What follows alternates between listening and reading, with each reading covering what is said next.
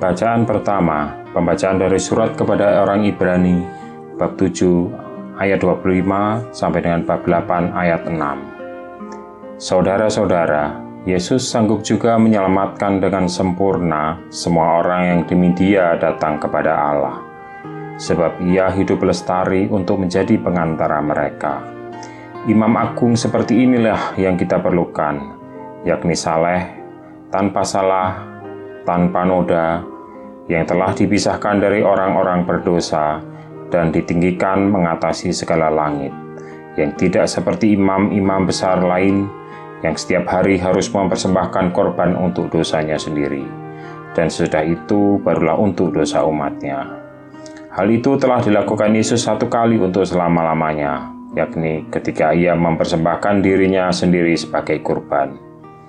Hukum Taurat menetapkan orang-orang yang tidak sempurna menjadi imam agung, tetapi sesudah hukum Taurat itu diucapkanlah sumpah yang menetapkan putra yang sudah sempurna sampai selama-lamanya menjadi imam agung.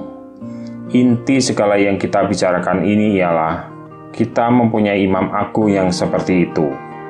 Ia duduk di sebelah kanan tahta yang maha besar di surga dan melayani ibadah di tempat kudus yaitu di dalam kemah sejati yang didirikan oleh Tuhan dan bukan buatan manusia.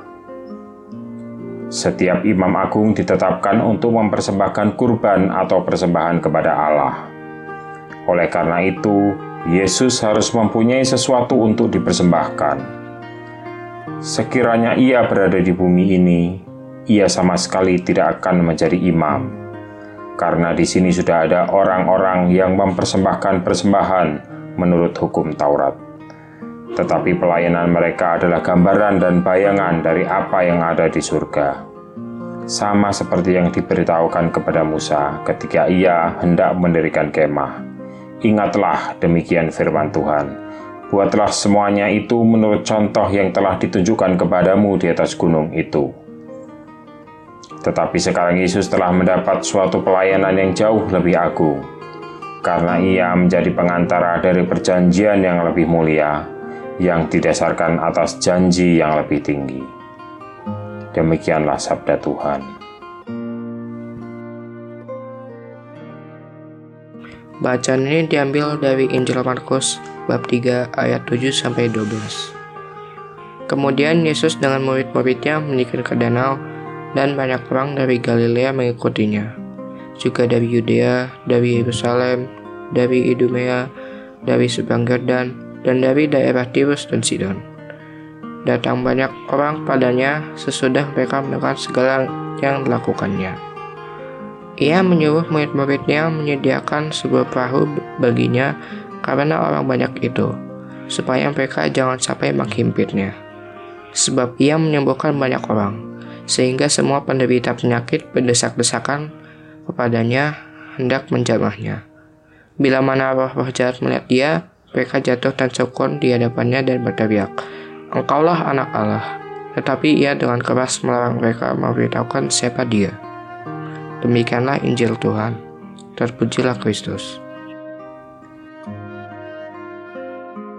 Renungan hari ini diambil dari inspirasi batin. Sebagai murid Yesus, kita seperti banyak orang dalam Injil yang dengan banyak cara datang ke aneka tempat terjadi mukjizat.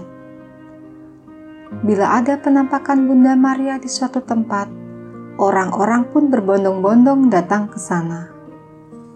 Demikian juga ketika ada kisah Ponari, dukun cilik asal Megaluh Jombang banyak orang datang ke desa itu untuk bisa menyentuh agar disembuhkan.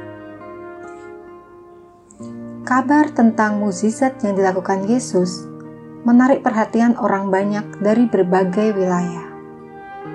Berbagai upaya mereka lakukan agar dapat menemui Dia, bahkan untuk menyentuh Dia.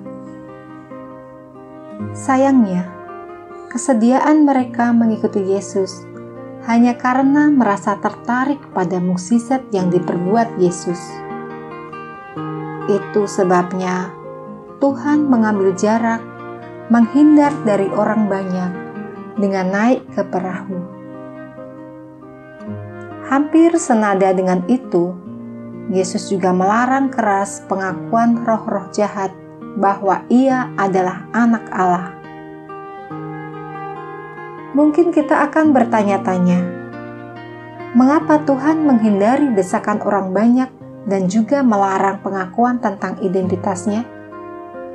Bukankah Yesus sesungguhnya adalah Anak Allah? Memang benar, akan tetapi status Anak Allah bukan hanya dinyatakan dalam bentuk demonstrasi kuasa atau mukjizat yang spektakuler Kemesiasan Yesus dinyatakan juga melalui penderitaan atau jalan salib, sesuatu yang jelas tidak disukai manusia. Kepada para murid, Yesus menegaskan bahwa mengikuti Dia karena mukjizat bisa saja membuat mereka akan sangat kecewa. Menjadi muridnya adalah mengikuti jalan salibnya dengan setia jalan salib memang tidak populer untuk membentuk kemuritan dibanding dengan mukjizat dan penyembuhan. Akan tetapi, itulah kerajaan Allah. Lewat salib, Yesus menegaskan kesetiaan dan cinta kepada manusia. Allah Bapa di surga kami kerap kali tidak berani memikul salib. Ajarlah kami untuk setia menapaki jalan salib hidup kami sendiri, sebagaimana ditunjukkan putramu. Amin.